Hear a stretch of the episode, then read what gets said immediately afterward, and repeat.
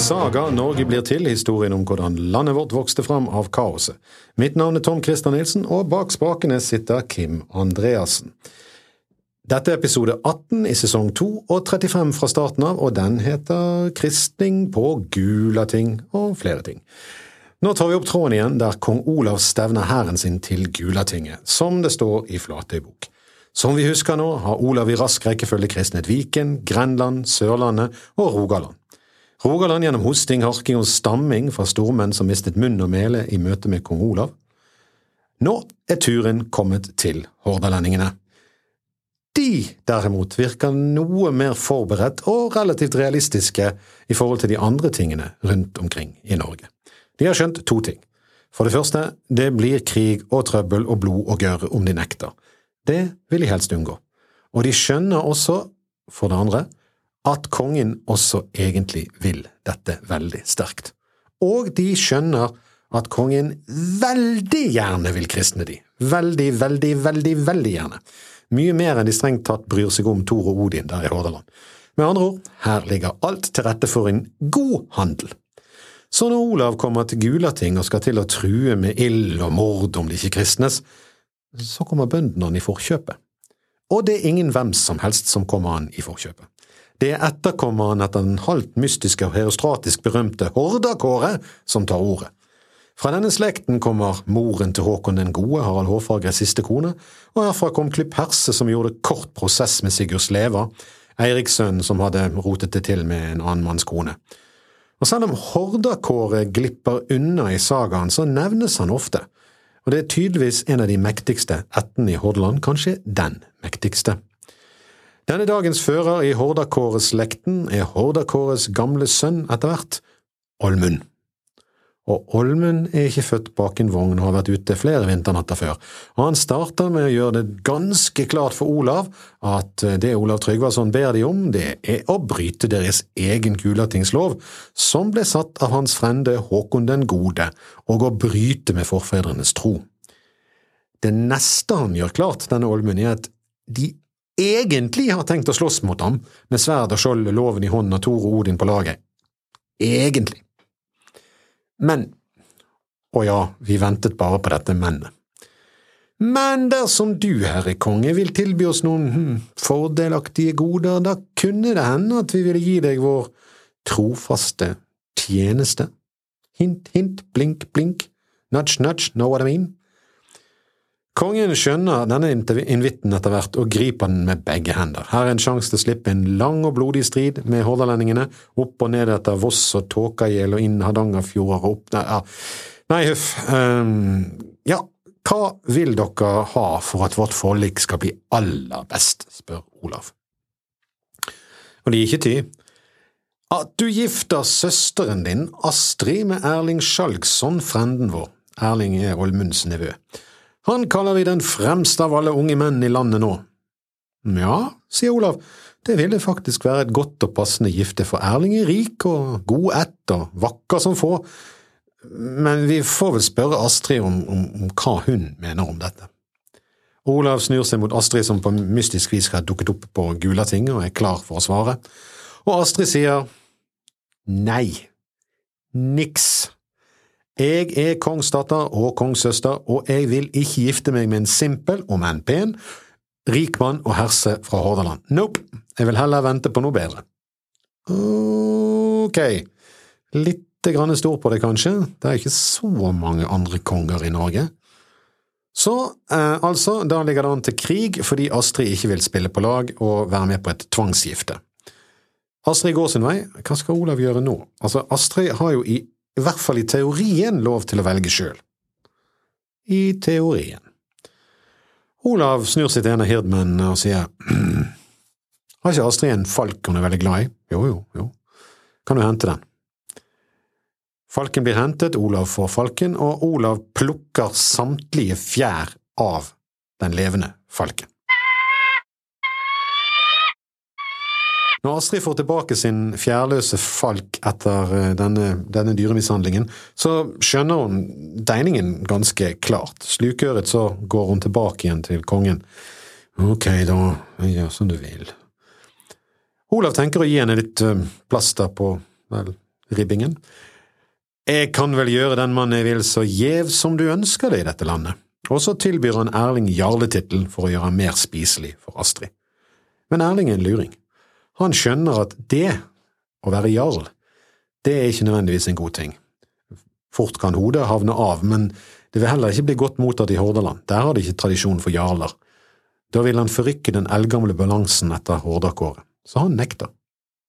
Nei, sier han, herse har forfedrene mine vært, og herse vil jeg også være, men om jeg kan få lov til å være den fremste hersen i landet? Og sånn blir det. Og Astrid får mer og mer sans for denne flotte hordalendingen som til og med snakker broren imot, og dermed ender det i løpet av kvelden med forlovelse og giftermål.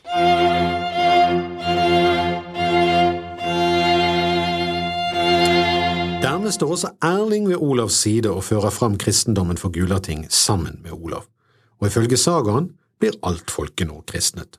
Holmund gamle smiler nok ganske godt i skjegget nå etter nok en gang har klart å føre hordeætten inn i slektskap med konge og kongefamilien, og ikke minst inn i arverekken.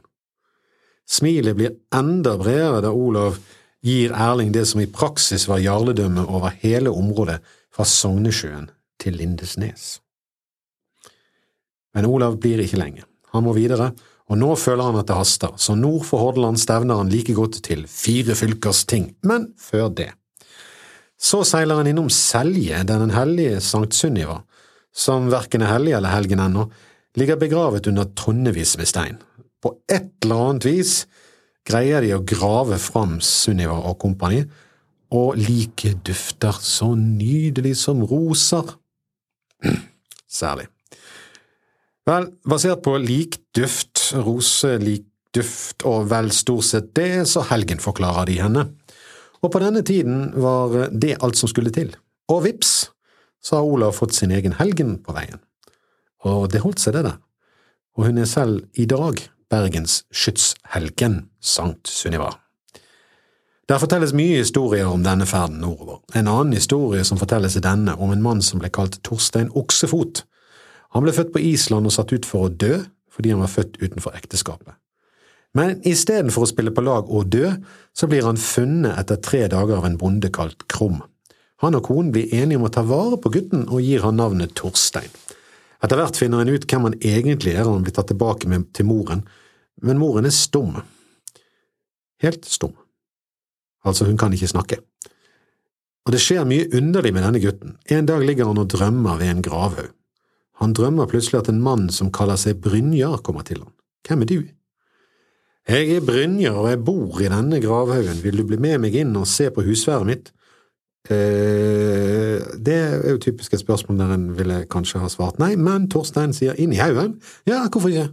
Torstein tar øksen sin og blir med inn. Inni haugen bærer det, og vel inni haugen så ser Torstein to rekker med menn. På den ene siden sitter elleve rødkledde menn. De ser vennlige og imøtekommende ut. På den andre siden sitter tolv blåkledde menn. En av de blåkledde var større enn de andre og så skremmende og streng ut, og ingen av de var noe særlig hyggelig å se på. Brynjar så på Torstein og sa det er den store mannen der, det er Odd, broren min, og vi er ulike, vi to. Han heter Odd og vil de fleste ondt. Han gir meg et tungt nabolag, spesielt siden han er mye større enn meg og jeg er mindre enn han, så han er sterkest, og hver dag så må vi gi han en mark gull. Kanskje du kan hjelpe meg, så, så skal jeg lønne det rikt, sånn at jeg slipper å betale denne gullgjelden hver dag. Torstein han går med på det og setter seg ned blant de rødkledde, og når kvelden kommer, så krever Odd avgift fra Torstein. Jeg har ikke noe gull eller sølv, sier Torstein. Da får du gi meg det du har. Jeg har denne øksen. Og idet Odd tar etter den, hugger Brynja til mot Odd, og kampen bryter løs. Torstein ser forundret at der haugboerne, om de er røde eller blå, hugger, så vokser straks det de har hugget av, ut igjen. Det er bare når han sjøl hugger med øks at sårene blir værende og lemmene går av. Torstein hugger godt, og til slutt står han og Brynjar igjen som seierherrer. Tusen takk, sier Brynjar og gir ham en pung med penger og en gullring. Denne gullringen, sier Brynjar, er magisk. Slik at legger du den under tungen på din stumme mur, mor, så får hun taleevnen tilbake. Nå våkner Torstein plutselig av drømmen og finner seg sjøl igjen utenfor haugen. Ja, det var litt av en drøm, og idet han reiser seg, så kjenner han noe hardt i siden. Det er pungen med penger og gullringen. Han farer sporenstreks hjem og legger gullringen under morens tunge, og siden dette er i undrenes tid, får hun straks munn og mele igjen, og kan snakke. For et under. Men hva har dette med Olav å gjøre? Jo, dette er et bilde på kampen mellom åsatroen og kristendommen. De røde er de kristne, de blå var de gamle guder. Nå drar Torsten selvfølgelig til Norge og treffer Olav. Dette er en historie som går igjen i mange av disse historiene om islendinger som opplever under. Olav han har et problem. Hans skatteoppkrever og 60 av hans bestemenn har blitt drept av noen troll på Heidarskog. Torsten tar på seg å ordne opp i dette trollproblemet. Og i to omganger så dreper han trollene på Heidaskog. Det holder på å gå galt til slutt, og trollkvinnen skal til å sette tennene i halsen på Torstein. Men akkurat da så blir Christ, Tor, Torstein kristen. Halleluja og tar troen, og nok et under skjer. En skarp lysstråle slår inn i trollhulen og blender trollet. Disse trollene blir ikke til stein eller spekker i møte med solen, de, de, de, de tåler litt mer. De er litt tøffere troll. Og dermed, på grunn av dette lyset, så får Torstein drept trollene for kong Olav. Det er vel ikke noe overraskelse eller noe underlig å tenke seg at dette er Kristuslys som lyser til Torstein. Dette er en av mange fortellinger som understreker Olavs hellighet og kristentroens styrke i møte med gamle myter. For sikkerhets skyld klarer Torstein også å rive bakfoten av en okse i en styrkeprøve, og dermed får han tilnavnet oksefot. En annen av disse historiene er den der Olav og følgeseier forbi Håøy. En av Olavs, Olavs menn går i land der og havner midt i en evigvarende strid mellom menn som kjemper for harde livet. Men ingen av de får noen gang hvile eller dø. Neste dag så kjemper de igjen og reiser seg til ny kamp. Det viser seg at de er forhekset av det som sannsynligvis er Odin. Det eneste som kan redde de ut av en evig sirkel av kamp og død, er om en kristen mann blander seg i striden og dreper de. Og det gjør Olavs mann. Han dreper de alle sammen, og de er takknemlige og får endelig fred. Men vi skal tilbake til virkeligheten slik sagaen kjenner den. Olav har stevnet til fire fylkesting på Nordvestlandet. Her går det lett. Møringer og sogninger til ett blikk på Olavsær og går til dåpen, alle mann. Heller vann enn blod. Trøndelag er neste, men der går det ikke like glatt. Håkon Jarls gamle blodsvenner er ikke helt klart for eh, nattverd og oblat som bytter for hestekjøtt, blod og mjød. Det har også kanskje noe med måten Olav griper an kristningen av Trøndelag på. Han seiler inn til Lade, går opp til hovedhovet eller blodstempelet og legger det i grus knust. Han tar gullringen Håkon har satt i døren, og stikker av med den. Trønderne blir litt provosert. Om det er hovet, om det er de gudebildene som blir ødelagt, eller om det er gullringen som blir stjålet, er ikke godt å vise, vite, men på vikingvis bruker de provokasjonen konstruktivt til å reise hær i hele Trøndelag, og det samme gjør hålogalendingene, ledet av en ikke ukjent Hårek fra Kjøtta. Nå stikker den store kristningskongen og blodhærverksmannen av med halen mellom beina og unngår kamp. Han stikker helt til Viken, ifølge sagaen, for å få god avstand mellom seg sjøl, trønderne og hårløyene. Planen hans er å samle hær og dra tilbake til Trøndelag og fortsette kristningen av Norge. Men nede på Østlandet så snubler han over en gruppe seigmenn, ledet av Øyvind Kjelda. Denne Øyvind var etterkommer etter Harald Hårfagre, og sønn av Harald Hårfagres sønn Ragnar Rettilbeinet, altså var han sønnesønn av Harald Hårfagre. Det er flere gode grunner til å ta et oppgjør med Øyvind. Han er jo seigmann, trollmann, og, og slikt vil ikke kristendommen ha noe av, heller ikke Olavs kristendom. I tillegg så er det den lille detaljen at han er faktisk søn, direkte sønnesønn av Harald Hårfagre, og har strengt tatt større arverett til kronen enn Olav sjøl. Olav inviterer trollkarene på middag, dette er en hel gruppe, eh, og setter selvfølgelig fyr på huset de har veitsli, selvfølgelig, slik hans frende Eirik Blodøks hadde gjort det med sin bror den gangen. Men Øyvind gjør noe uhørt, noe helt uhørt. Han, han redder seg ut, han klyver opp gjennom røykhullet i taket og kommer seg unna. På veien er han såpass dum at han treffer noen folk og ber de si fra til Olav at han slapp unna, og at Olav aldri ville se han igjen. Det løftet holder han ikke. Påskeaften 998, 16. april, er Olav i Rogaland på Ogvalsnes, eller Avaldsnes som vi kjenner det som i dag, på Karmøy, eller Kormt som de kalte det den gang. Der dukker Kjelde opp igjen, denne gangen med en ny gjeng seigmenn. Det som så skjer er ganske tullete, egentlig, og antyder vel at Kjeller ikke var verdens største trollmann, men kanskje litt surrete og forvirret og. Kjella og seigmennene begynner å trolle, som det sies, og maner frem en skodde så tjukk og svart at ingen ser hånd for seg. Arani liamas. Kjeller setter huldrehatt på seigmennene så de ikke skal synes. Huldrehatt det skal altså være en slags usynlighetshatt. Men da de nærmer seg gården der Olav er, så blir det selvfølgelig høylys dag, og mørket som de har manet fram, faller over de sjøl. De surrer rundt uten å se en ting og blir tatt av Olavs menn, hele gjengen, alle seigmenn, inkludert Kjeller. Om jeg skulle gjette, så vil jeg kanskje tro at det virker som Øyvind Kjeller har lurt hele gjengen, inkludert seg sjøl og seigmennene, og at huldrehatten bare var en hatt han dro nedover øynene på kompisene sine, sånn at de skulle tro at de var usynlige, og de trodde at ingen så de fordi de ikke så noe sjøl, det er min gjetning, da, ganske surrete hele greien. Men Olav han takker og bukker og binder alle seigmennene sammen og lenker de til et skjær, et skjær som bare er over vann ved Fjerde sjø, og han setter de der på Fjerde sjø og der blir de sittende bom fast til floen kommer, og drukner de. Skjæret ble siden hetende Skratteskjær. Denne samme kvelden så kommer det en gjest til gards som Olav begynner å snakke med. Han er lang, enøyd og alt, har en stor stokk og en stor brevbremme tatt. Olav snakker med han om mye og mangt, og han forteller Olav at dette stedet har fått navn etter en stor konge og hermann Ågvald, som bodde her og ble haulagt her. Olav er fascinert over alle historiene denne mannen forteller. Han kan fortelle fra alle land og gi svar på alt Olav spør om. Ikke før biskopen til Olav, og nå tror jeg biskopen er blitt litt mistenksom, får han til sengs, altså Olav, at han forlater samtalen. Men gjesten han, han følger med inn på soverommet og fortsetter å fortelle og snakke med Olav. Til slutt så kommer biskopen og forteller Olav at nå må du sove, som om han skulle være faren hans og Olav skulle være fem år gammel gutt.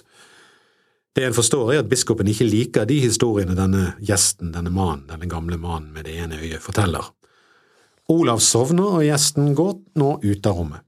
Litt seinere våkner Olav og spør etter gjesten, men da er han ingen steder å finne. Morgenen etter så spør Olav smart nok kokken om noen har gitt dem noe spesiell mat å tilberede. Ja, sier kokken. Der kom en mann og sa at det var fælt dårlig kjøtt kongen fikk, og han forærte oss To flotte oksesider, og de har vi kokt inn med det andre kjøttet. Da skjønte Olav hva som var på gang. Kast kjøttet, kast den maten. Det må ha vært Odin som har forsøkt svikråd mot oss, det er sikkert hestekjøtt. Denne Odin som folk lenge har trodd på, skal ikke få lurt oss. Denne historien er nok en historie om kampen mellom kristendommen og åsatroen, men det er verdt å merke seg at historiefortelleren og kongen ikke skifter til kristendommen fordi de ikke tror på at Odin fins og dette er litt rart for oss. Tvert imot, de tar det som en selvfølge at Odin eksisterer. De mener bare at den nye guden er mektigere enn Odin. Så det er ikke snakk om å slutte, å tro på noe og begynne å tro på noe helt annet, nei, det handler om hvilken gud du holder med, hvem du allierer deg med. Etter seimen på skjæret og en kveld med Odin har Olav endelig fått samlet en hær stor nok til å utfordre trønderne. Nordover bærer det med mann og mus og skip. Men når de kommer til Trøndelag, så um, har ikke bondehæren lagt på latsiden. Så på dette tinget så må en slu Olav spille et litt annet spill. Når han ser den store hæren deres, gjør han seg myk i målet og ber om vennskap, jo da, han skal komme til blotet deres, akkurat som Håkon den gode opp til hovet, midtsommerfest på Mæle, ja, det høres bra ut. Det var der Håkon den gode også ble tvunget til å smake på hestekjøttet. I spissen for bøndene står en storkar kalt Jernskjegg. Når Olav kommer til Mæle, så møtes han av jernskjegg og ledes mot hovet. Inn i hovet går Olav med noen av hans menn og noen bønder. Vel inne i hovet, vel der går Olav og hans kompaner berserk, og knuser gudebilder og statuetter og gjør hærverk på hele hovet. Utenfor døren dreper rett og slett noen av Olavs menn den gode jernskjegg. Uten jernskjegg og med innsiden av hovet rasert og gudebildene knust på bakken, men ikke minst med Olav her, Olavs hær foran seg, mister bøndene motet og lar seg døpe en masse. Norge er kristnet, i hvert fall opp til Trøndelag. Hva skal Olav gjøre nå? Jo, der er noe igjen her, for han har jo tross alt drept jernskjegg, og det må betales bot for det. Og boten blir fastsatt til at han må gifte seg med Jernskjeggs datter. Så her blir det bryllup i en fart den samme dagen, og den natten går Olav til sengs med Jernskjeggs datter. Det, det går bra i starten, men når hun tror at Olav har sovnet, så drar hun frem en kniv og skal til å skjære halsen over på Olav. Men Olav har ikke sovnet, han er våken, så han får stoppet denne bruden som vil drepe han på bryllupsnatten. Og jeg har ikke noe annet valg enn å sende henne derifra, og hun drar og blir ikke siden sett hos Olav. Olav, dette bryllupet blir dessverre ikke noe av. De blir gift, men de blir skilt samme natten. Nå drar Olav ned til Nid og Nidelven og bygger seg en kongsgård og grunnlegger Nidaros, etter dette Trondheim og nå Trondheim. Og så begynner han på, ja, det alle forsmådde karer ville gjort, han begynner å bygge båt. Stor båt. Ved Nidelvens bredd tar et ualminnelig stort skip form. 30 rom eller tiljer har det. Det er noe av det største som er sett i Norge. Olav følger med når kjølen strekkes og sidebordene kommer på plass. Og når drakehodet skjæres ut. Og når skipet er ferdig er han fornøyd, og bemanner det straks og drar nordover for Kristne og Logaland. Du tror kanskje dette er Ormen Lange vi snakker om, det er det ikke, dette skipet heter Tranen og er ikke så stort som Ormen Lange skal bli, men det er stort nok. Men snart skal Olav bygge, som sagt, enda større skip. Det var det for denne gang, det var episode 35, kristning på Gulating og andre ting. Jeg er Tom Christer Nilsen, og du kan sende spørsmål og kommentarer til tom.christer.gmail.com. Teknikken har vært kjørt av Kim Andreassen som vanlig.